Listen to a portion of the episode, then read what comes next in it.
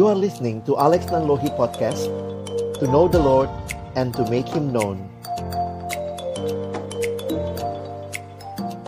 Halo, selamat malam uh, Bapak Ibu, saudara-saudara yang dikasihi dalam Tuhan Yesus Kristus.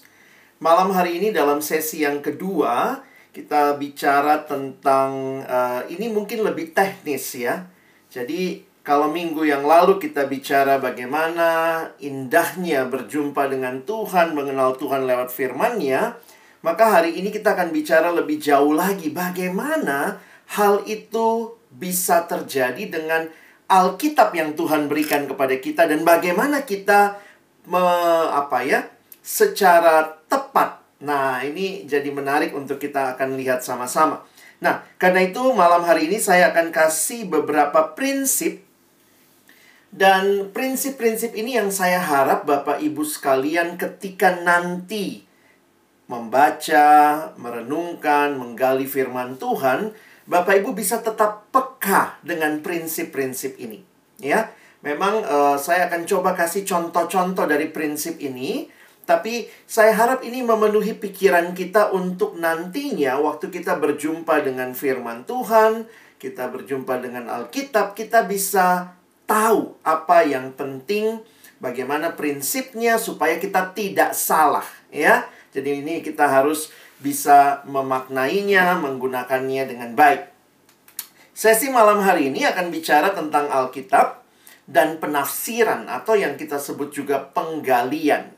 Nah, mengapa ini jadi penting? Mungkin orang bertanya, Alkitab ya cukuplah dibaca saja ya udahlah dibaca aja. Kenapa harus ditafsir? Nah, ini jadi menarik. Kenapa kita menggali? Kenapa kita menafsir? Ada apa dengan Alkitab kita? Maka kita harus paham dulu bahwa ternyata antara dunia Alkitab dan dunia kita itu ada rentang waktu yang cukup panjang.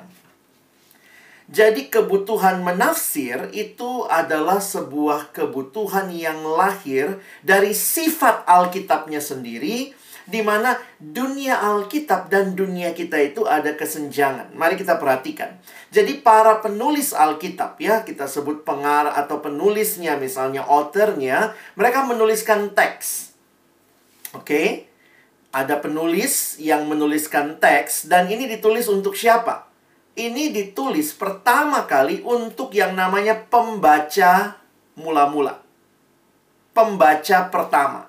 Jadi harus kita ingat, tidak ada surat yang ditulis untuk Alex misalnya. Nggak ada ya. Surat Paulus kepada Alex, surat Paulus kepada jemaat e, gereja baptis kebayoran. Tidak ada. Yang ada adalah surat kepada jemaat Roma, surat kepada jemaat Filipi, surat kepada misalnya Titus, ya ada pribadi-pribadi yang dikirimi surat sehingga kita ada di mana?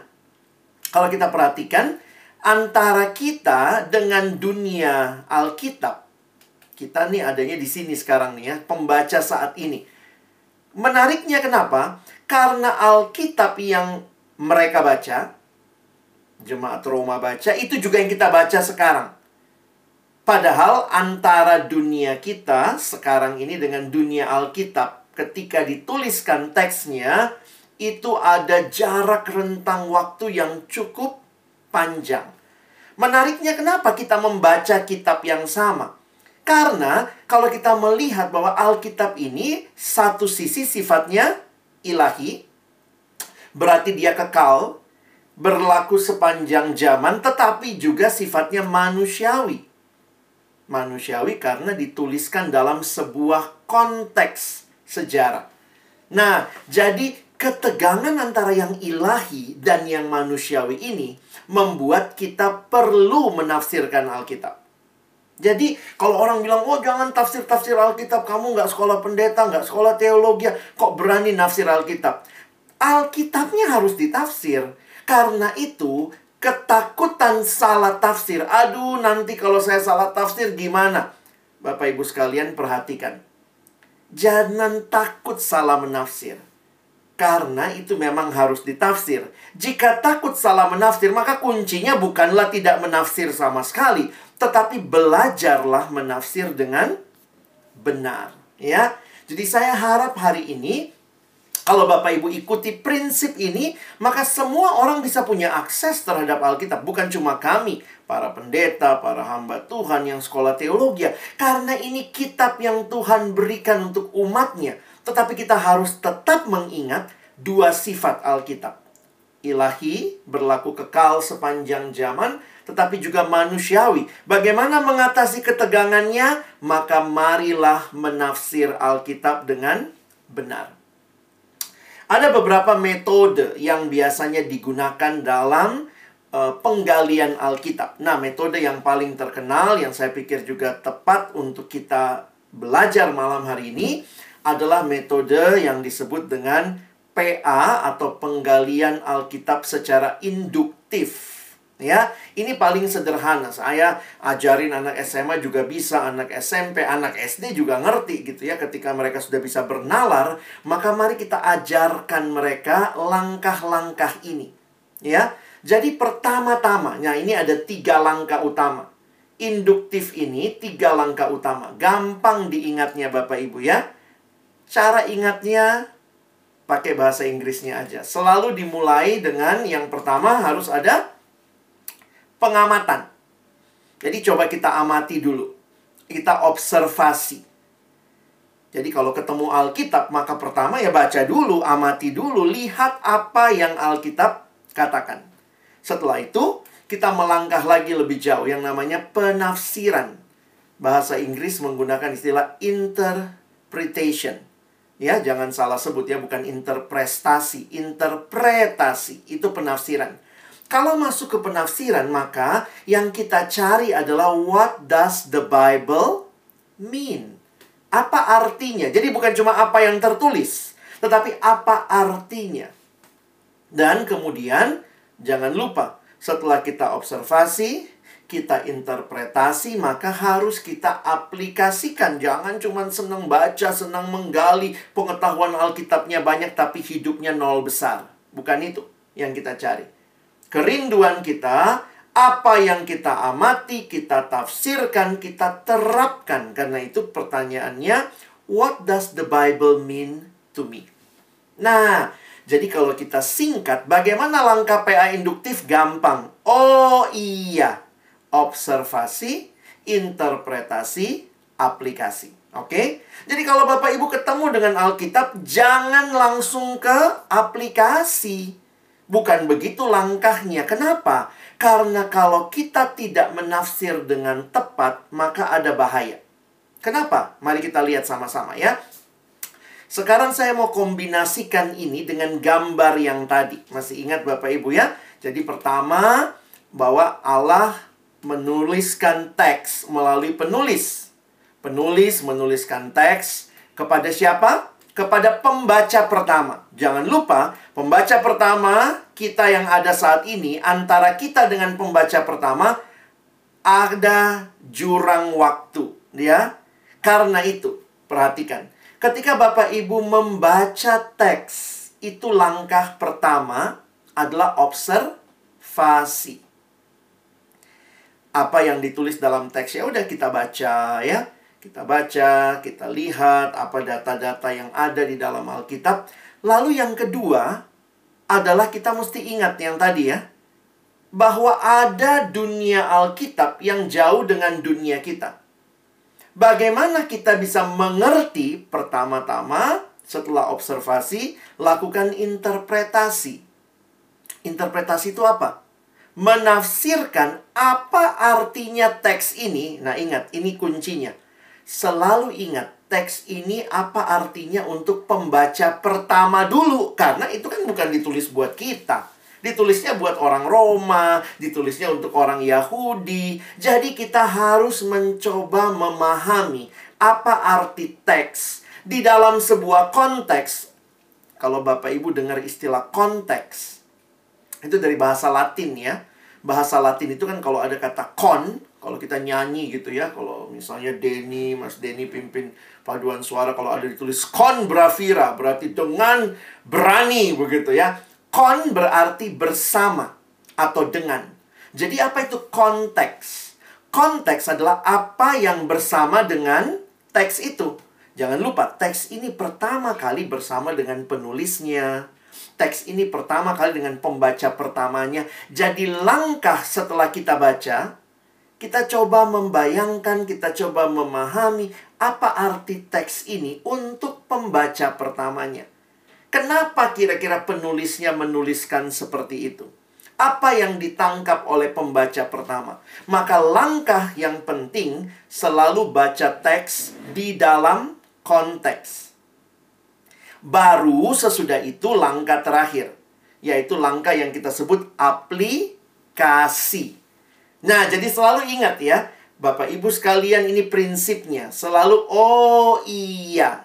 Jangan ayo ya. Bukan dari aplikasi dulu. Selalu langkahnya baca teks, memahami teks dalam konteks, barulah tarik aplikasi kasihnya. Kenapa? Apa bahayanya kalau kita tidak mengikuti? Saya pikir yang menarik, apa yang memastikan bahwa kita bisa memahami ya ini kehadiran Roh Kudus. Roh Kudus yang memimpin penulis menuliskan teks ini.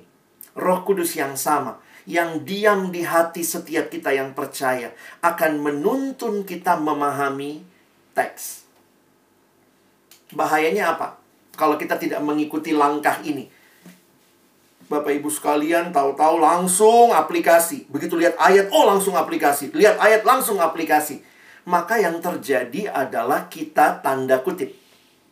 Bisa jadi memperkosa ayat tanda kutip ya. Ayatnya nggak ngomong begitu, tapi karena kita mau, kita langsung baca, oh ini artinya ini buat saya. Maka itu bukan teologi ya.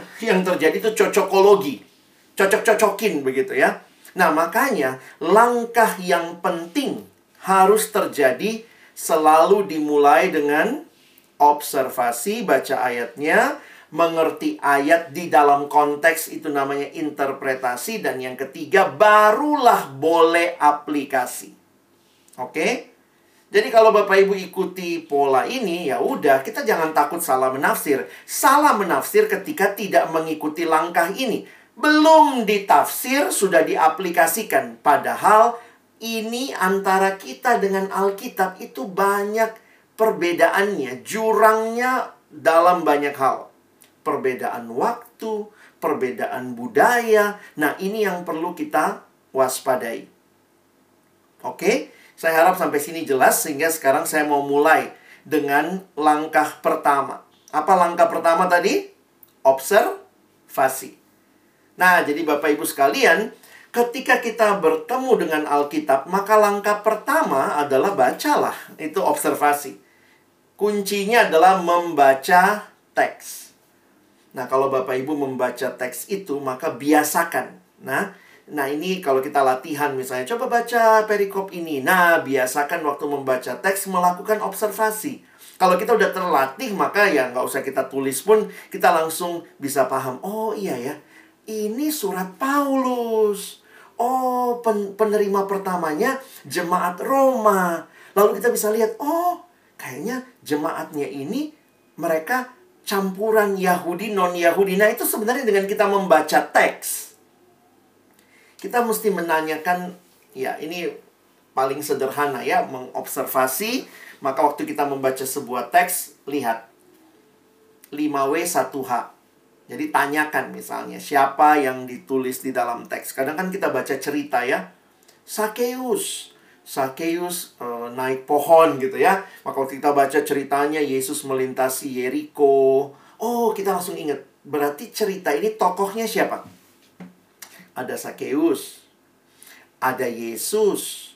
Nanti kalau Bapak Ibu teman-teman baca, oh ada orang banyak Nah, jadi sebenarnya observasi itu adalah coba membaca teks dan coba membayangkan dalam berbagai bagian ini ya. Contohnya misalnya who gitu ya. Siapa saja yang ada dalam teks?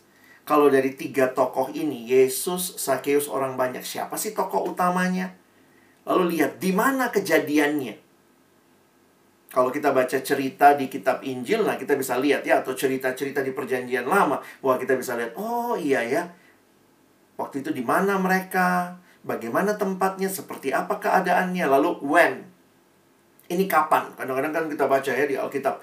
Pagi-pagi benar, waktu hari masih gelap. Oh, berarti ada keterangan waktu.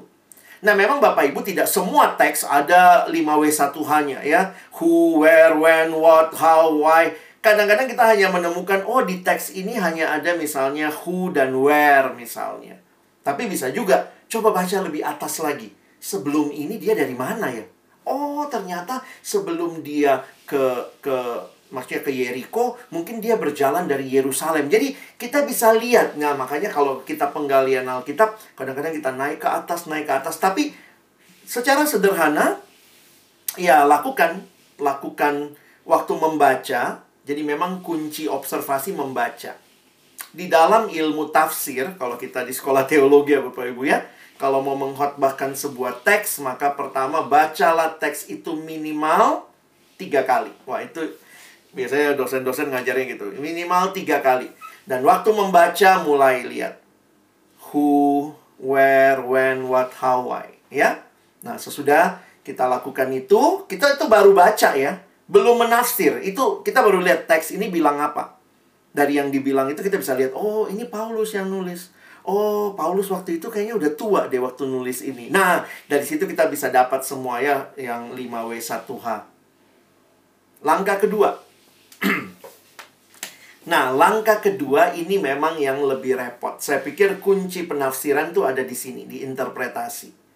Karena setelah kita baca, kita perlu dengan tepat coba lihat apa sih artinya, kenapa sih Paulus menulis ini kepada jemaat Roma?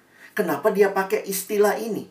Ada apa sebenarnya yang terjadi di dalam kehidupan mereka? Jadi secara sederhana, observasi membaca teks, interpretasi, menafsirkan teks di dalam konteks. Nah, inilah Bapak Ibu sekalian, memang biasanya kita harus menyadari kita butuh komunitas. Tadi pendeta Julianus langsung bilang bawa buku tafsir Lex gitu ya. Kenapa? Karena memang kita butuh komunitas untuk memvalidasi benar atau tidak tafsiran kita. Tapi poinnya begini ya, mungkin kalau itu wah terlalu ribet nanti kayak mau sekolah teologi. Ya. Kita bisa menafsirkannya teks dalam konteks dengan langkah-langkah berikut. Nah, ini langkah kedua ada lagi langkah detailnya. Jadi bagaimana memahami teks dalam konteks? Maka kalau tadi sudah baca tiga kali, ya, maka waktu menafsirkan teks dalam konteks itu biasanya langkahnya baca lagi. Namanya kita PA ya, baca lagi berulang-ulang bagian Alkitab tersebut atau bagian Alkitab lain yang terkait. Nah, bisa begitu. Nah, kita harus terbuka karena kita tidak semuanya ahli Alkitab ya. Kalau Bapak Ibu yang dokter misalnya. Ya untuk tahu emang Bapak Ibu hafal semua penyakit. tahu perbedaan penyakit ini sama ini. Kadang-kadang kan mesti buka buku kalau yang farmasi itu kadang-kadang buka daftar obat Indonesia, melihat. Nah, kita juga sering kali untuk memahami lebih jauh konteks, ya. Waktu Paulus nulis itu, mereka dijajah Roma ya. Oh, dijajah Roma. Kalau begitu, bagaimana kondisi masyarakat di bawah penjajahan Roma? Nah, mungkin untuk hal itu kita harus menggunakan alat bantu untuk memahami konteks. Nah, jadi sering kali kayak buku-buku tafsiran itu menolong kita menafsir teks di dalam konteksnya. Nah, emangnya apa saja konteksnya? Ini kita masih yang interpretasi ya. Yang interpretasi Bapak Ibu perhatikan untuk memahami konteks kita mesti pahami ada tiga konteks utama. Jadi dalam menafsir ada tiga konteks utama. Pertama konteks sastra. Kenapa sastra? Karena Alkitab kita bukan di, di Tuhan tidak kasih Alkitab kita dalam bentuk MP3, dalam bentuk MP4 ditonton. Alkitab kita diberikan dalam bentuk tulisan. Maka ada yang namanya konteks sastra. Yang kedua, Alkitab kita karena sifatnya manusiawi diberikan kepada semua manusia, tetapi diberikan pertama kali kepada misalnya jemaat Roma, maka ada konteks sejarahnya. Nah, di sini kita mesti pahami. Dan yang terakhir, pasti ada hal-hal teologis karena misalnya perjanjian baru beberapa konsepnya itu sudah mengurat akar ada di dalam perjanjian lama. Jadi kita mesti peka, ya paling tidak kita mesti kembangkan uh, sensitivitas waktu membaca. Kita mesti lihat ini adalah sastra, di dalamnya ada sejarah, dan pasti ada konsep teologi yang perlu kita pahami. Jadi memahami teks di dalam semua konteks ini. Nah, biasanya saya simpulkan dengan Nah, waktu menafsir, maka perhatikan tiga. Ini namanya segitiga penafsiran. Bapak Ibu, kalau sudah terbiasa ya, karena ini skill ya. Kalau kita latih-latih, nanti lama-lama ya nggak usah digambarkan begini, begitu lihat, ih, wah ini konteks historis nih. Wah ini sastra nih ya. Karena kita sudah terbiasa. Nah, bagaimana alat bantu tadi? Tadi saya bicara soal alat bantu ya maka sebenarnya kita bisa memahami alat bantu yang paling sederhana tentu Alkitab utama ya. Maka kalau Bapak Ibu tertarik memahami konteks lebih lanjut, miliki teks Alkitab lebih dari satu terjemahan itu pun menolong. Kenapa? Karena Alkitab kita ini diberikan dalam bahasa perjanjian lamanya bahasa Ibrani dan ada sedikit Aram perjanjian barunya bahasa Yunani.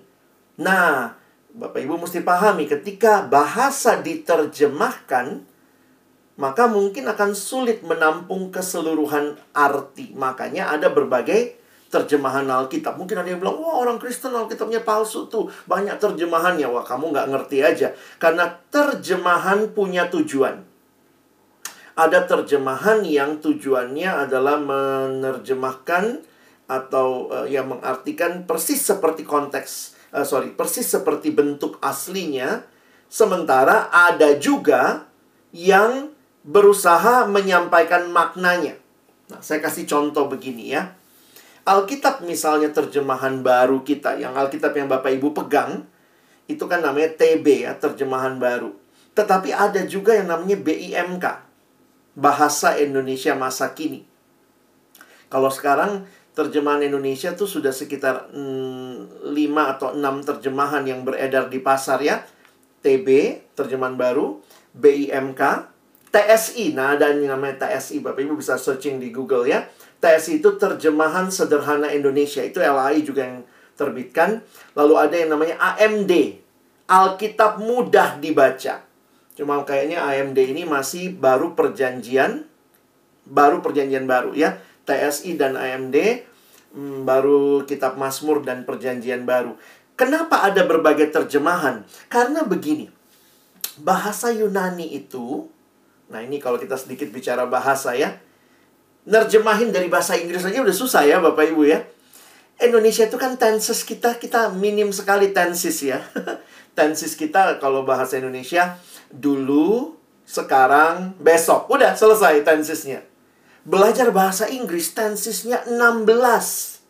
Ada present, ada past, ada future. Tapi presentnya terbagi lagi. Present, continuous, uh, uh, aktif gitu ya. Ada yang namanya uh, apa? Uh, past, present, continuous. Nah, jadi itu seperti itu. Gak gampang menerjemahkan ke bahasa kita yang kosakatanya terbatas. Nah, Bapak Ibu Indonesia 3 tenses. Inggris 16 tenses. Yunani berapa? Yunani 64 tenses. 64 tenses. Jadi Yunani itu punya tense yang begini. Sesuatu yang terjadi di masa lampau satu kali untuk selama-lamanya dan efeknya sampai sekarang. Misalnya namanya aorist tense. Kita tuh nggak punya pembahasaan seperti itu. Nah, orang Yunani punya seperti itu. Nah, ini yang sering kali tidak tertampung keseluruhan kekayaan bahasanya hanya di satu terjemahan. Makanya ada terjemahan yang lain yang berusaha menjelaskan lebih jauh lagi. Itu yang membuat kenapa ada berbagai terjemahan. Jadi ini bukan masalah pemalsuan. Wow, kalau Bapak Ibu ada dengar begitu, itu orang yang nggak ngerti penerjemahannya. Selalu ada upaya untuk uh, menjelaskan lebih jauh, makanya terjemahan itu juga menolong, ya. Nah, karena itu biasakan juga membandingkan dengan terjemahan lain. Lalu yang kedua, yang bisa menolong memahami konteks peta Alkitab. Yang ketiga, kamus Alkitab. Sekarang ada yang namanya Encyclopedia Alkitab Masa Kini, EAMK. Itu standar yang biasa dipakai. Ada konkordansi Alkitab. Dan nah, tadi yang Pak Pendeta Julianus katakan, tafsiran Alkitab. Nah, ini menolong kita. Tentu karena kita tidak semuanya ahli dalam bidang ini, maka ya kita mesti rendah hati setelah menafsir. Nah, kalau saya sih sarannya Bapak Ibu tafsir dulu baru nanti bandingkan sama tafsiran komunitas ya. Misalnya orang yang nulis tafsiran itu jadi waktu kita lihat, oh, oh saya benar juga ya atau oh saya mungkin salah nih. Di situ kita jadi dikoreksi lagi. Nah, kalau ditanya, wah Pak Pendeta repot banget harus punya semua ini. Saya sih sarankan begini ya Bapak Ibu sekarang ada internet kan. Sebenarnya itu semua nih khususnya terjemahan, peta itu bisa dicari di internet. Kalau kita masih punya, eh kita masih pada pakai lah ya, Alkitab cetak. Sebenarnya menarik juga Alkitab cetak kita ya. Di belakangnya ada ada peta. Di belakang Alkitab cetak kita ada ada kamus yang nggak ada memang konkordansi tafsiran Alkitab. Jadi sebenarnya saya mau kasih tahu begini, tanpa harus beli semua ini, Bapak Ibu pakai Alkitab ini juga bisa kok PA ya. Saya nggak mau juga kita merasanya kalau PA itu kayaknya harus rumit, harus ribet, barulah PA. Enggak. Saya ingat kalimat dosen saya bilang begini. Apa tujuan penafsiran Alkitab? Apa tujuan penggalian Alkitab? Membuat ayat itu lebih mudah dipahami. Wih, saya jadi ingat banget itu ya. Jadi kalau Bapak Ibu habis PA tambah bingung, berarti tidak ber-PA itu ya. Itu bikin bingung. Karena sebenarnya tujuan penafsiran Alkitab membuat teks itu makin kita ngerti. Oh ini toh maksudnya. Nah di situlah sukacitanya ya.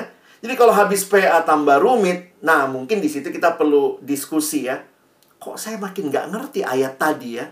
Harusnya, wah setelah saya PA, waduh ayat itu benar indah sekali. Karena saya sudah observasi, saya mengerti teksnya dalam konteks, dan saya aplikasikan. Nah, kalau Bapak Ibu tertarik misalnya lebih jauh di internet, nah ada ya. Bisa bisa masuk ke sabda.org. Di dalamnya tersedia semua. Ada kamus, ada konkordansi, dan seterusnya. Tapi ingat aja, polanya adalah kita harus mengerti teks itu dalam konteks tadi. Nah, saya sedikit membedah tiga konteks tadi ya, Bapak Ibu ya. Kita lihat contohnya. Kenapa sih harus benar-benar memperhatikan konteks? Pertama, kita mulai dari konteks. Saya mulai dari yang sebelah kiri dulu. Konteks sastra. Kita harus ingat Alkitab kita diberikan dalam bentuk tulisan teks. Karena itu, nah ini tiga hal. Saya kasih contoh tiga-tiganya ya. Ada berbagai terjemahan yang bisa kita pakai untuk semakin menolong kita memahami teks. Yunani untuk kata kasih itu aja pakai pakai berapa? Pakai empat kata. Ya, ada namanya filia, eros, agape gitu ya. Jadi kalau storge ya, empat ya. Sementara bahasa Indonesia cuma kalimatnya kasih. Nah, ini yang membuat akhirnya kita mungkin perlu bandingkan dengan terjemahan lain. Belum lagi masalah tenses tadi, belum lagi beberapa situasi. Jadi, perlu perhatikan terjemahan lain itu menolong kita memahami teks. Saya jujur aja kalau agak bingung kadang terjemahan ini yang kita pakai itu namanya terjemahan standar. Jadi apa aslinya itu langsung diterjemahkan. Kadang-kadang nggak dikasih keterangan kan, maka kita bingung apa artinya ini. Nah, waktu kita misalnya membaca, misalnya kan kita baca, waktu itu pada jam pada jam yang keempat, hah? Jam yang keempat itu apa? Nah, Alkitab seperti BIMK Bahasa Indonesia Masa Kini menerjemahkan apa sih jam yang keempat itu misalnya. Nah, itu jadi dia udah misalnya membuat jam sekian. Oh, jadi kita jadi ngerti. Nah, terjemahan standar itu biasanya menerjemahkan secara literal. Apa yang ditulis aslinya itu langsung diterjemahkan. Nah, karena itu ada terjemahan yang un untuk menolong kita memahami arti. Nah, yang kedua, kenali jandra. Ini bacanya jandra, jandra. Uh, jandra ini sama kayak anak sekarang dengar musik ya, apa genremu gitu. Genre itu sebenarnya dari istilah sastra adalah jenis sastra yang berbeda-beda di Alkitab. Puji Tuhan ya, Tuhan nggak kasih Alkitab kita satu pola. Bayangkan Bapak Ibu kalau Alkitab kita isinya cuma hukum. Ini boleh, ini tidak. Jangan begini, jangan begini. Oh puji Tuhan, Alkitab kita paling tidak para penafsir mengatakan lebih daripada 10 jandra. Ada puisi, ada perumpamaan, ada narasi, ada bentuk apokaliptik, kitab wahyu. Nah ini namanya jandra. Perhatikan, semua jandra ini punya keunikan. Bapak Ibu yang baca koran, sama baca novel beda nggak? Ya beda, jandranya beda. ya jadi kita mesti bisa memahami. Makanya karena Alkitab kita bentuknya teks, lihat jandranya dulu. Oh ini jandranya apa? Nah lalu yang ketiga yang kita mesti aware, ingat baik-baik, pembagian pasal dan ayat itu sebenarnya baru di abad ke-16 muncul secara lengkap. Berarti apa? Alkitab kita awalnya nggak ada pasal, nggak ada ayat. Nah, kenapa saya harus kasih tahu begini? Kadang-kadang pembagian ayat itu, apalagi kalau bahasa Indonesia, di Alkitab kita sudah ada paragraf, segala macam. Kalau kita tidak baca dengan baik, itu seperti putus emosinya. Padahal sebenarnya di bawahnya ada, gitu ya. Jadi, misalnya, ayat 17 itu berada di antara ayat 16 dan ayat 18. Jangan cuma putus ayat 17.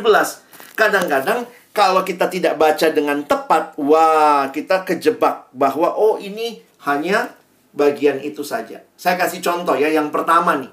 Yang pertama masalah terjemahan. Bapak Ibu perhatikan. 1 Yohanes 3 ayat yang ke-10 misalnya 9 eh, mengatakan setiap orang yang lahir dari Allah, ini Alkitab kita ya, nanti bisa cek. Setiap orang yang lahir dari Allah tidak berbuat dosa lagi sebab benih ilahi tetap ada di dalam dia dan ia tidak dapat berbuat dosa karena ia lahir dari Allah. Wih, waktu baca ayat ini langsung mikir, hah? Saya yang lahir dari Allah tidak berbuat dosa lagi. Aku kan juga udah percaya Yesus, tapi kok masih bisa berdosa? Jadi ini kan nggak nggak klop dengan realita kita gitu ya. Nah ternyata kalau kita bandingkan ya, saya sekarang pakai Inggrisnya. Kalimatnya begini, No one who is born of God will not continue to sin. Lalu di bagian bawahnya, he cannot go on sinning. Jadi bukan tidak dapat berbuat dosa. Beda ya? Will not continue to sin sebenarnya tidak tepat kalau diterjemahkan will uh, tidak berbuat dosa lagi. Makanya perhatikan di dalam terjemahan bahasa Indonesia masa kini ayat ini diterjemahkannya lebih tepat orang yang sudah menjadi anak Allah, BIMK itu bahasa Indonesia masa kini, orang yang sudah menjadi anak Allah tidak terus-menerus berbuat dosa. Oh, itu toh maksudnya. Dan karena Allah itu bapaknya, maka ia tidak dapat terus-menerus berbuat dosa. Tidak sanggup terterjemahkan di dalam kalimat ini. Tensisnya, ya agak susah. Makanya terjemahan yang lebih berikutnya biasanya juga menolong memberikan arti yang lebih lebih uh, bukan lebih dalam ya, tapi memang karena uh, berusaha menerjemahkan artinya. Oke? Okay? Nah, ini masalah terjemahan. Tadi satu lagi yang kedua, yang kedua pengenali jandra. Kenali jandra ya. Nah, coba Bapak Ibu lihat ayat ini ya. Ini tentang jandra. Mazmur 90 ayat 4. Sebab di matamu seribu tahun sama seperti hari kemarin apabila berlalu atau seperti suatu giliran jaga di waktu malam. Gara-gara ayat ini, ada yang hitung-hitung kapan Yesus datang. Seribu tambahkan manusia katanya dicipta enam hari nih. Enam hari kan kalau seribu tahun sama seperti hari kemarin. Satu, tah satu hari sama seperti seribu tahun. Bahkan enam hari kali seribu berarti enam ribu nah, nah itu udah dihitung lah dari zaman Adam nah Tuhan Yesus kira-kira datang tanggal segini lucu kan ayat ini tidak sedang menyuruh kita menghitung-hitung matematika karena perhatikan kalimatnya ini muncul di dalam bentuk puisi Mazmur itu bentuknya puisi. Kalau jandranya puisi, lain kalau ma uh, Mazmur ini atau ayat ini muncul di dalam cerita atau dalam surat. Misalnya Paulus tulis, Ingatlah, satu hari sama dengan seribu tahun. Berarti, wah ini literal nih. Ini bener nih, satu hari seribu tahun. Tapi ini kan munculnya di dalam, di dalam puisi. Jadi jangan menghitung-hitung, jangan perlakukan Nah ini kalau kita perkosa Alkitab Wah karena kita mau tahu kapan Yesus datang Kita kali-kaliin matematika Alkitab Banyak orang dapat WA begini Langsung, wih hebat Oh Yesus mau datang Itu goblok Itu bukan teologi, itu cocokologi Karena ayatnya muncul dalam bentuk dalam bentuk puisi. Puisi itu mau menunjukkan perhitungan hari kita sama Tuhan tuh jauh banget. Itu doang yang mau disampaikan. Seribu tahun sama seperti hari kemarin. Sama seperti satu hari. Mau menunjukkan perbedaan. Sama kayak begini ya. Tiba-tiba kita ketemu catatan. Sakit hatinya.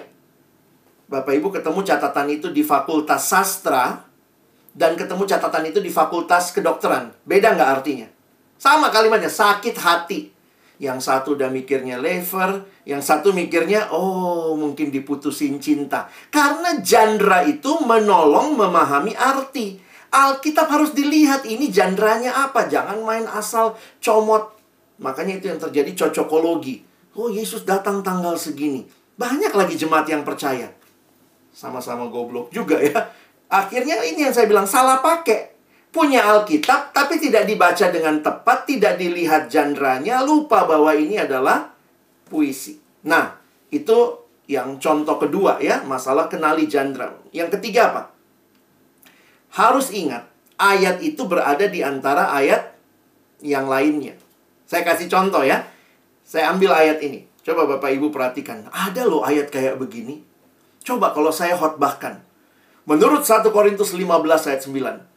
Jikalau kita hanya dalam hidup ini saja menaruh pengharapan pada Kristus, maka kita adalah orang-orang paling malang dari segala manusia. Lalu saya khotbah, oh Bapak Ibu ini malang semua. Percaya Yesus kan? Oh malang kalian semua. Karena ayatnya kepotong di situ. Coba Bapak Ibu perhatikan. Kalau 1 Korintus 15 ayat 19, berarti dia ada di antara ayat 18 dan ayat 20. Nah, berarti kita mesti baca konteksnya. Mesti baca atasnya karena kan ini yang bikin manusia ya, apa sorry, yang yang potong-potong ayatnya itu yang yang uh, yang mengompil Alkitab dari belakang dia yang kasih ayat-ayatnya yang waktu dia potong ini ya kadang mungkin waktu dia potong dia nggak orang-orang nggak lihat atasnya nggak lihat bawahnya langsung ayatnya kalau percaya Yesus kita adalah orang yang paling malang hah harus baca dari mana? Kalau lihat di Alkitab, nah saya ajak kita saya baca dari ayat 16-nya ya.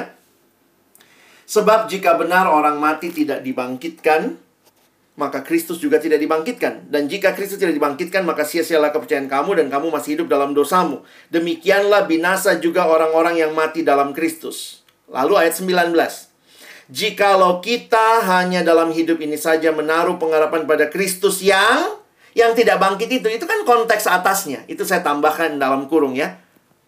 Jadi mesti baca atasnya kan kalau Yesus tidak dibangkitkan. Makanya dia bilang, jikalau kita hanya dalam hidup ini saja menaruh pengharapan pada apa? Pada Kristus yang tidak dibangkitkan yang dia bahas di ayat 16 17. Maka kita adalah orang-orang yang paling malang. Nah, itu ayat 19. Ayat 20-nya, tetapi yang benar ialah. Berarti 19 salah. Kira-kira gitu kan? Tetapi yang benar ialah bahwa Kristus telah dibangkitkan dari antara orang mati. Makanya ingat, pembagian ayat tidak seharusnya membuat kita hanya comot ayat itu, tidak lihat atas, tidak lihat bawah. Nah, konteks sastra Bapak Ibu harus sensitif. Alkitab kita bentuknya sastra. Perhatikan jandranya, perhatikan keutuhan teksnya, perhatikan juga uh, terjemahan yang lain ya? Nah jadi bisa tuh. Dengan kita waktu lihat ini oh ini tuh maksud ayatnya. Oh saya pikir dulu saya sering gitu ya. Dulu seneng banget ayat apa waktu SMA tuh ya. Yohanes 15 ayat 7 apa pun yang kamu minta gitu ya.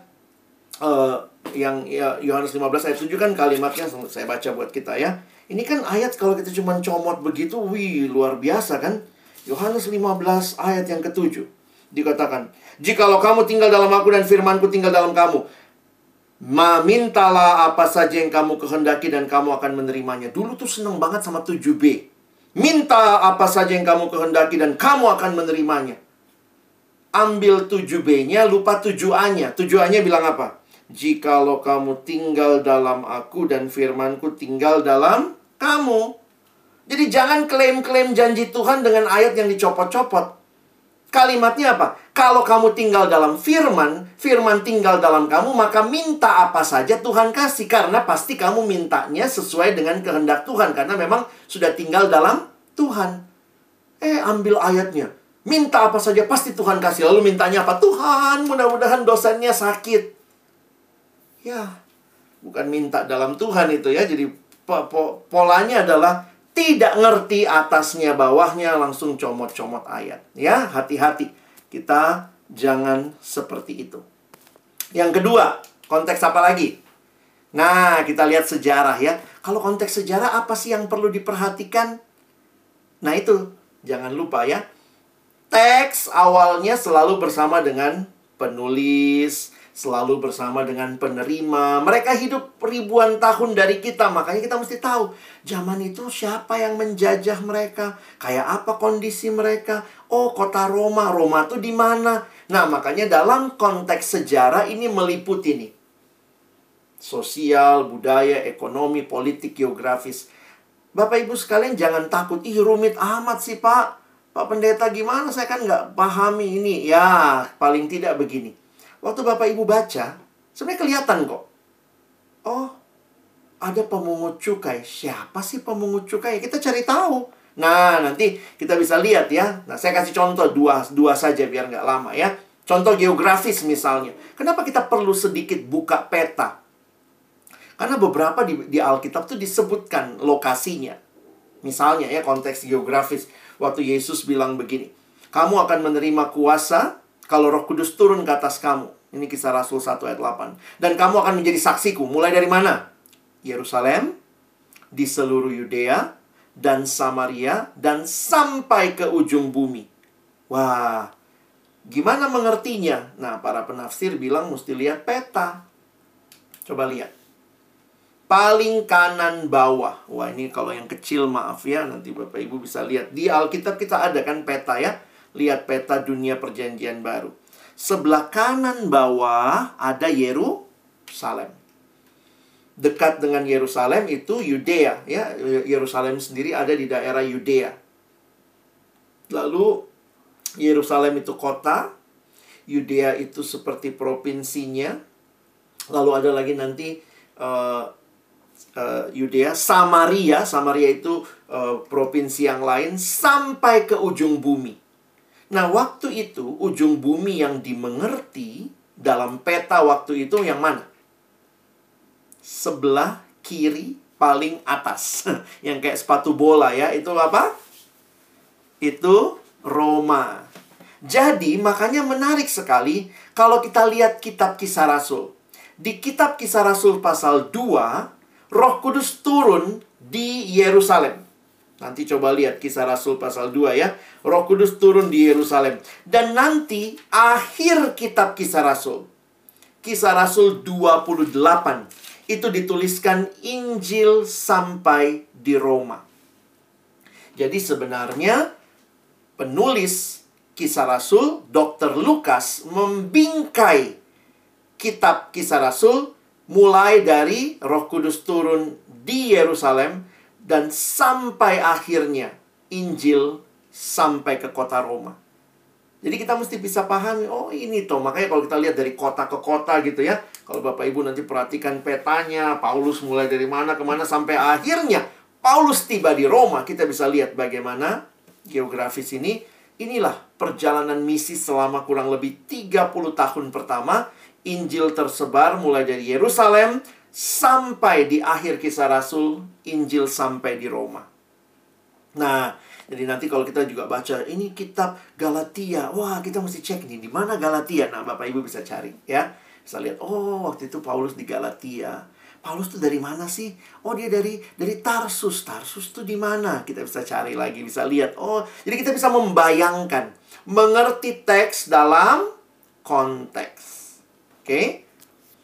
Contoh, sosial politik. Pada waktu itu banyak pemungut cukai. Kalau Bapak Ibu buka dalam kamus, wah pemungut cukai itu adalah orang Yahudi, tapi kerja sama penjajah. Jadi mereka memungut cukai dari kawan sebangsanya. Jadi kalau Bapak Ibu perhatikan, nah ini kita bisa memahami sering kali mereka itu memeras rakyat untuk menguntungkan diri. Nah, saya dapat dari mana? Dari kamus, kamus Alkitab di belakang. Jadi sambil baca Alkitab kalau bingung cobalah cari di kamus. Mana tahu ada keterangan.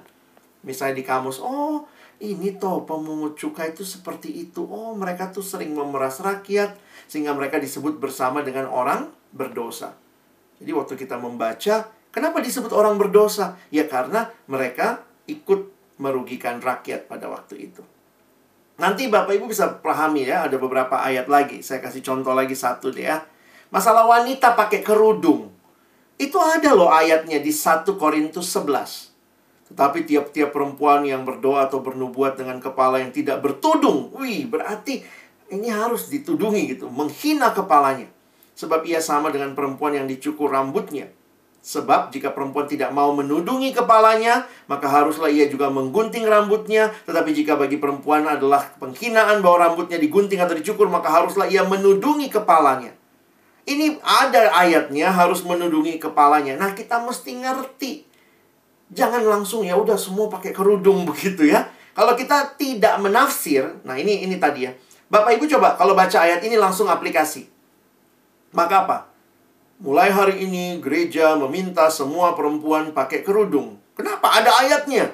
Tapi karena kita menafsir, kita bisa melihat konteks budaya waktu itu, dunia Alkitab waktu itu, wanita memang Nah ini juga menarik ya Bapak Ibu saya waktu pelajari Ternyata daya tarik seksual setiap zaman tuh beda-beda Di masa dulu Daya tarik seksualnya itu di rambut Kalau sekarang kan generasi sekarang daya tarik seksualnya di mana? Uh, kalau maaf ya yang, yang perempuan ini biasanya ya.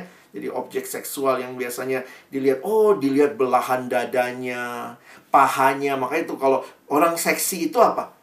Zaman zaman dulu orang seksi itu rambutnya. Karena semua tubuhnya kan tertutup gitu ya, rambutnya yang terurai. Kalau sekarang seksi itu apa? Bukan rambut orang bilang oh seksi rambut biasanya enggak akan lihat oh belahan dadanya atau lihat pahanya. Jadi setiap generasi di masanya Paulus masalahnya di rambut. Makanya rambut harus ditutup. Jadi jangan membawa budayanya, tapi lihat prinsipnya. Oh berarti, nah ini kita nafsir nih. Ini masalahnya bukan masalah tudung nggak tudung. Karena sekarang kan kita nggak bertudung. Ini masalahnya adalah waktu ibadah harus sopan. Waktu ibadah harus tutup aurat. Aurat zaman itu rambut. Aurat zaman sekarang ya tutuplah apa yang harus ditutup. Jadi kalau sekarang ada yang bilang nggak ada ayatnya di Alkitab tuh, mau pakai rok mini kayak ke gereja, mau pakai apa kayak hot pants kayak, mau pakai uh, baju yang kelihatan pusar, ya ada ayatnya dengan konteks yang lain di masa itu. Berarti apa yang berlaku sama? Yang berlaku prinsipnya, prinsip masa itu ibadah tutup aurat, ibadah sekarang pun juga mari kita dengan sopan. Itu kan prinsip yang kita bisa ambil dari ayat ini. Jadi jangan ambil kerudungnya, Nanti semua budaya Palestina kita pindahin ke sini. Pakai kerudung dan segala macam bukan itu, ya. Kita harus menafsir. Dengan kita menafsir, kita tidak salah aplikasi. Tapi kalau kita langsung aplikasi, apalagi bilang ada ayatnya seperti ini, nah itu jadi bahaya, ya. Nah, bisa Bapak Ibu pahami itu? Nah, yang terakhir, kalau konteks uh, apa ya? Saya kasih konteks Tadi ini udah ya, perempuan pakai kerudung. Nah, terakhir nih konteks uh, teologi ya. Apa sih yang berkaitan sama konteks teologi ya? Itu yang saya bilang tadi. Kadang-kadang kita harus cek ya. Jangan-jangan yang disampaikan itu ada uh, berurat akar di perjanjian lama. Ya, jadi konteks teologi ya, misalnya ya, Matius 16. Lalu Yesus bertanya kepada mereka, "Tapi siapa katamu apa katamu uh, siapakah aku ini? Maka jawab Simon Petrus, engkau adalah Mesias. Nah, kita mesti cek nih. Ini kan udah pemahaman teologi yang ada di perjanjian lama. Apa sih Mesias? Oh, buka kamus. Nah, saya foto langsung dari kamus Alkitab. Kristus. Jadi Mesias itu terjemahan Yunani dari kata Ibrani Masyiah atau Mesias atau bahasa Arabnya Al-Masih. Artinya yang diurapi oleh Tuhan. Yesus disebut Kristus karena dialah yang dipilih Allah menjadi penyelamat dan Tuhan. Akhirnya Kristus juga menjadi nama diri untuk Yesus. Kadang-kadang di kamus ini kita jadi ngerti, oh itu toh. Jadi jangan pikir Yesus Kristus, oh itu famnya. Yesus fam apa? Fam Kristus. Oh bukan. Yesus marganya, oh marga Ahado, marga Kristus. Bukan. Itu adalah nama. Yesus Sang Kristus, Yesus Mesias yang dipilih Allah menjadi penyelamat dan Tuhan. Nah, ada beberapa konsep-konsep nanti kalau misalnya baca Roma pasal 3, ada konsep penebusan, ada konsep jalan pendamaian, pembenaran. Ya kadang-kadang kita mau nggak mau mesti cek di perjanjian lama. Kenapa? Karena konsep-konsep ini, khususnya dalam perjanjian baru, itu mengurat akar dalam pemahaman teologi orang-orang di perjanjian lama. Ya, Nah, jadi itu kira-kira yang saya mau ingatkan. Jadi kalau Bapak Ibu membaca Alkitab harus uh, harus aware ya. Harus aware bahwa ada uh, konteks-konteks seperti itu yang perlu ditafsir supaya kita bisa paham ya apa maksudnya. Langkah yang terakhir. Nanti habis ini kita bisa tanya jawab ya. Saya coba bagikan langkah yang terakhir. Yang terakhir adalah apa? Ya, selalu setelah diinterpretasi kita bawa ke aplikasi. Ingat ya, uh, alurnya O I A. Nah, harus ada aplikasi karena kalau enggak nanti cuma besar kepala. Oh, saya tahu pemungut cukai itu siapa. Oh, saya tahu di mana letak Yerusalem, tapi hidup kita nggak berubah. Ya, dosa-dosa aja terus gitu ya. Nah, kita perlu aplikasi karena firman Tuhan dimaksudkan bukan hanya untuk menambah pengetahuan. PA itu membuat kita makin mengerti isi firman, makin kenal Tuhan, hidup kita makin serupa dengan Kristus. Karena itu langkah ketiga aplikasi. Menerapkan dalam situasi saat ini. Kalau tadi interpretasi membaca teks di dalam konteks pada waktu itu, saat itu, maka aplikasi kita bawa penerapannya ke masa kini. Nah, prinsipnya jelas begini. Kalau masa kini dengan masa yang lalu, ya, masa Alkitab, kalau situasinya sebanding, maka yang berlaku itu apa? Teksnya. Tapi kalau situasinya tidak sebanding, maka yang berlaku itu adalah prinsip teksnya. Nah, saya ulangi ya. Kalau situasi sekarang dengan dulu itu sebanding, yang berlaku apa? Teksnya. Kan sama teksnya. Tetapi kalau ternyata itu ada kaitan budaya, sekarang beda sama dulu. Seperti tadi ya. Aurat itu di masa Yesus, eh, di masa Paulus dengan di masa kita ada perbedaan dalam konsep masyarakat.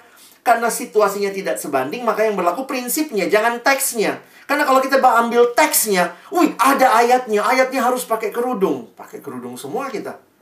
Makanya setelah kita menafsir, kita harus melihat yang mana yang berlaku teksnya, yang mana yang berlaku prinsip teksnya. Saya kasih contoh.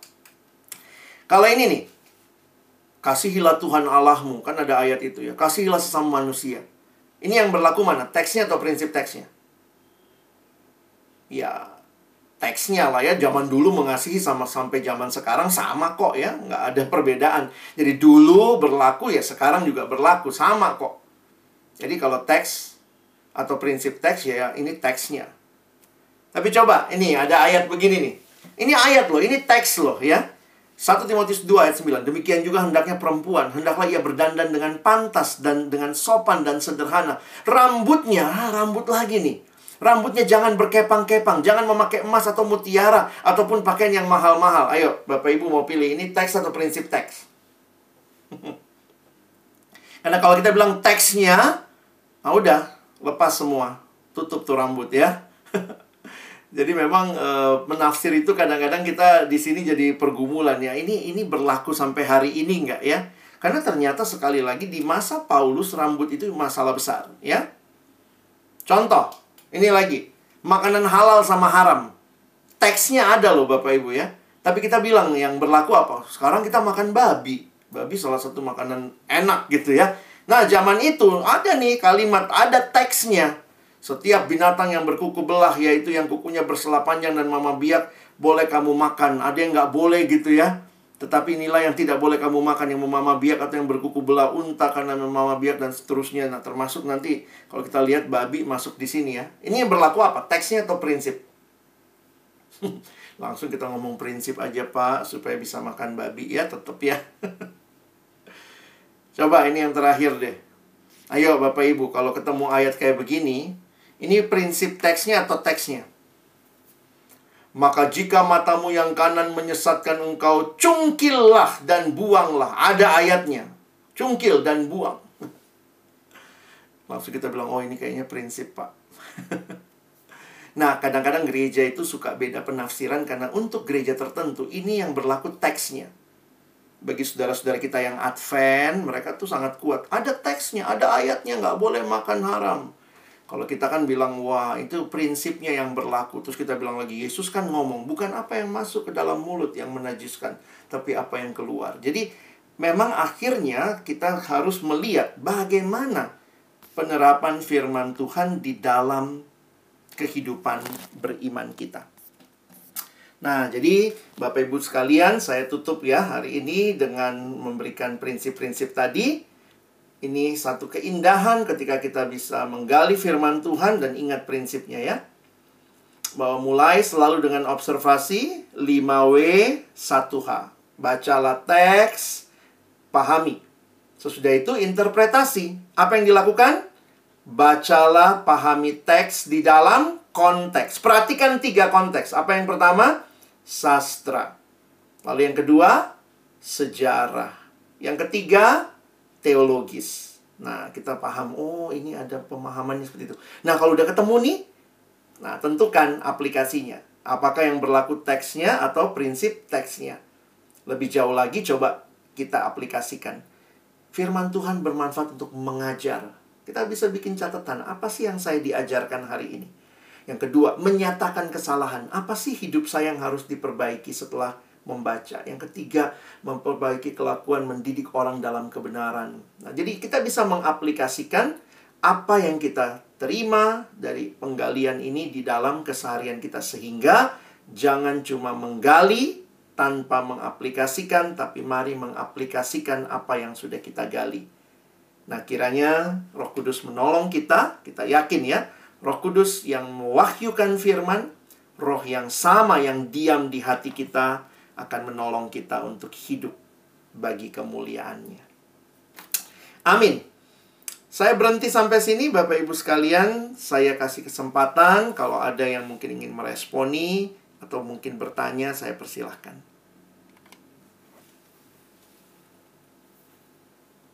Silakan Kak Denny. Ya, terima kasih banyak eh, Bang Alex. Um, minggu lalu kami di kelas sekolah minggu pemuda uh, membahas satu tema mengenai um, orang muda yang kaya hmm. yang dia sudah menaati firman Tuhan tetapi kemudian uh, dia ingin uh, sempurna dan kemudian ternyata dia tidak bisa uh, apa dia gagal mengikut Kristus karena dia lebih cinta harta. Bang Alex hmm. pasti tahu ya. Hmm. Nah, cerita itu di Alkitab ada di Matius dan ada di Lukas. Hmm. Tapi um, kalau kita perhatikan ternyata uh, ada beda detail hmm. dan saya perhatikan kadangkala di Injil-Injil sinoptik Matius, Markus, Lukas, Yohanes ketika membahas uh, hal yang sama suka ada perbedaan-perbedaan yang kemudian menggelitik saya atau hmm. mungkin teman-teman yang lain apakah ada yang salah, ada yang kurang atau uh, beda beda cerita atau bagaimana nih mungkin uh, Bang Alex bisa bantu. Oke. Okay saya kasih wawasan sedikit tentang Injil Sinoptik dan ini kaitannya dekat sekali dengan Kak Denny ya sebagai seorang konduktor. Sebenarnya di dalam Injil kalau kita memahami kitab Injil kita harus memahami bahwa bukannya Matius uh, sorry yang pertama dituliskan Markus ya Injil pertama yang diyakini ditulis itu Markus. Bukan Markus kurang nulis lalu kemudian Matius nambahin. Jadi tidak demikian awalnya bukan Lukas uh, kompilasi lalu dia tambahin apa yang kurang di Matius dan Markus sebagai Injil terakhir dari sinoptik tidak. Jadi semua Injil yang sinoptik itu lengkap pada Injilnya, lengkap pada kitabnya. Nah, lalu bagaimana ketika kita menemukan bahwa ternyata tiga kitab sinoptik itu, Injil sinoptik, kita menemukan ada yang menemu, ada perbedaan di dalamnya. Makanya kalau kita perhatikan uh, Injil sinoptik tidak saling melengkapi, tetapi istilah yang digunakan adalah harmoni. Sama seperti kita nyanyi paduan suara, suara dua tuh nggak salah. Emang itu jalurnya dia. Suara satu tuh nggak salah, tapi waktu digabung, kita menikmati sebuah harmoni. Nah, harmony of the gospel ini yang juga kita harus waspadai karena, nah ini ada beberapa cara menafsir. Ketika ceritanya beda, maka kita mau mau gabunginkah atau lebih baik ya tetap dengan Injilnya masing-masing begitu. Nah, ada beberapa cerita yang memang kalau kita lihat uh, ini ini bisa bisa di ini memang kejadiannya sama. Tapi juga ada ada kemungkinan, nah ini menurut para penafsir ya, ini kadang-kadang kita mesti lihat juga. Lebih baik memperlakukan setiap cerita pada Injil itu dikatakan di kitab ini dua orang yang kerasukan, dua orang gila misalnya ya, Gerasa. Yang satu bilangnya cuma satu. Nah, yang mana yang benar? Nah, memang kita bukan mencari detail yang benar yang mana, lalu kita tergelitik, oh Alkitab kita nggak asli. Ini mirip kayak kita lagi nonton, eh bukan nonton, kita lagi baca koran ya. Kejadian di depan gereja baptis kebayoran, tiba-tiba ada yang celaka orang naik motor ditabrak eh orang orang naik motor nabrak mobil berhenti. Lalu kemudian ada empat koran lokal datang. Koran A bilang, wah hancur sepeda motornya. Dia nggak dia nggak angkat detail tentang kelukanya orang itu. Dia melihat hancur sepeda motornya. Koran yang satu bilang, wih tangannya terkilir. Yang satu bilang, wah mobilnya itu ada orang kayaknya di dalamnya. Yang satu lagi bilang, mobilnya kayaknya nggak ada orang, itu mobil parkir. Besoknya muncul beritanya empat-empatnya. Yang mana yang paling benar? Ya nggak ada yang bisa dibilang paling benar. Masing-masing menulis dari sudut pandangnya. Kenapa dia bilang tiga? Karena dia lihatnya tiga. Walaupun mungkin di situ hanya dua orang atau mungkin kenapa eh sorry nggak mungkin ya ketiga mungkin dia dia hanya lihat yang yang penting untuk dia garis bawahi adalah yang satu atau yang dua misalnya. Nah jadi kalau kita ketemu uh, cerita dalam Injil, um, memang itu butuh uh, ini juga Kak Denny ya, butuh membandingkan sama tafsiran tapi tidak usah terlalu memaksa seolah-olah semua cerita itu harus sinkron karena belum tentu demikian. Atau ada yang bilang begini, mungkin nggak ada dua orang muda kaya yang datang sama Yesus? Mungkin juga. Karena kayak gini ya, Matius 5 soal khotbah di bukit. Naiklah Yesus ke bukit dan dia memulai mengajar. Lukas tulisnya, lalu Yesus pergi ke tanah yang datar dan mulai mengajar. Nah, orang bertanya, apakah khotbah di bukit versi Matius itu sama dengan khotbah di tanah datar versi Lukas. Ada ayat-ayatnya yang sama. Tapi ada juga penafsir bilang gini. Mungkin nggak sih Yesus berkhotbah mengulangi khotbahnya di dua tempat yang sama? Eh di dua tempat yang berbeda bisa juga gitu. Nah, jadi mungkin um, ya tips and triknya adalah uh, it's a harmony rather than uh, kurang makanya ditambahin. Mungkin begitu dulu. Terima kasih. Sama-sama. Baik, terima kasih Kak Denny dan juga Bang Alex untuk penjelasannya. Ada lagi Bapak Ibu dan Saudara yang ingin uh, bertanya? Mungkin masih ada hal yang rasanya tadi belum uh, cukup jelas dari yang disampaikan.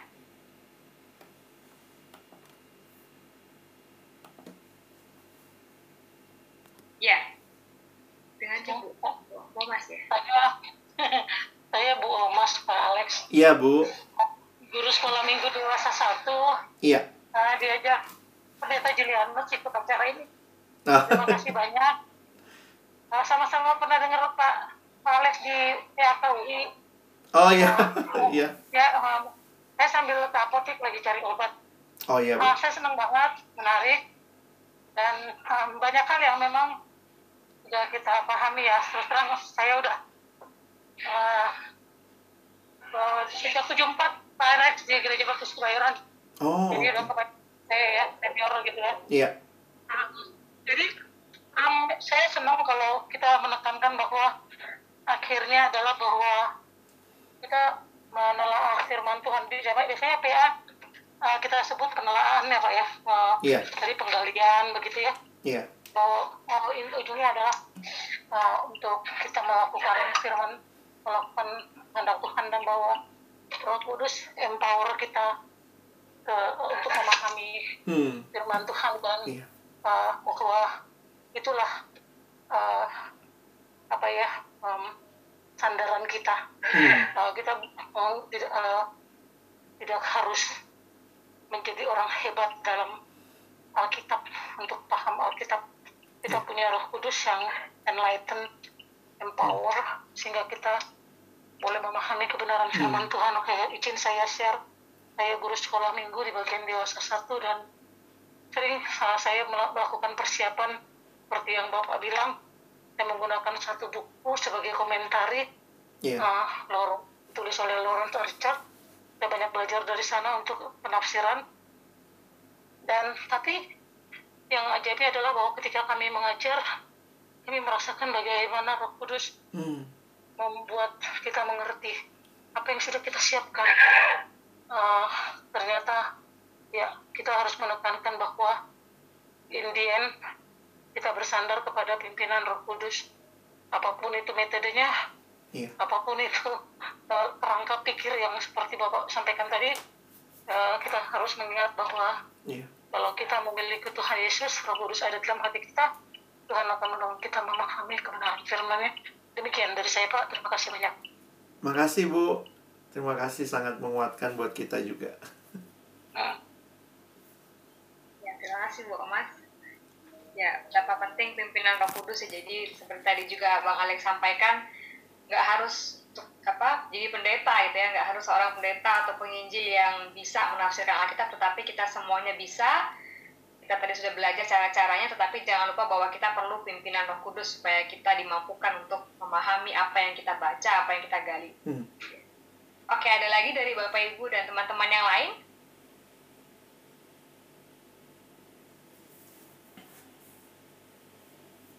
Oke. Ada titipan pertanyaan ya Bang Iya. Alex ya. Kalau ingin mulai ber-PA secara pribadi level pemula, sebaiknya mulai dari mana? Misalnya kitab apa atau genre apa? Hmm. Nah, memang menarik banyak yang bilang eh, beberapa bagian tuh cukup rumit ya. Rumit ada yang mungkin karena kita nggak terlalu biasa. Misalnya tiba-tiba wahyu itu kan apokaliptik, itu kan keunikan sastranya orang Ibrani. Jadi kalau saya sih mengusulkan sebagaimana buku-buku tafsir biasanya mengusulkan adalah bacalah mulai dengan surat atau Injil. Atau surat dan Injil ya karena surat itu eh, lebih dekat dengan keseharian kita ya. Kita biasa baca berita ya. Surat itu kan isinya biasanya seperti itu ada instruksi. Lalu eh, Injil. Injil karena isinya adalah eh, cerita tentang Yesus di mana sama seperti kita membaca eh, buku-buku atau mungkin eh, cerita tetapi di situ kita bisa melihat ya keindahan bagaimana eh, Yesus melakukan pelayanan dan seterusnya. Jadi kalau mau memulai silahkan bisa mulai dengan kitab-kitab yang mungkin jandranya lebih umum, lebih dekat dengan kita. Tapi kalau eh, Bapak Ibu jangan jangan khawatir juga ya, mulai eh, bisa membaca yang lain. Saya sangat menyarankan coba nonton eh, Bible Project di YouTube. Itu memberikan eh, kerangka setiap kitab. Jadi paling tidak begini ya, kadang-kadang kita bingung ya, ini apa maksud kitab ini gitu ya. Nah, di dalam eh, Bible Project itu dia sudah buat seluruh kitab Alkitab paling tidak kita jadi ngerti kerangka besarnya dan nanti kita bisa lihat waktu kita membaca bagian demi bagian.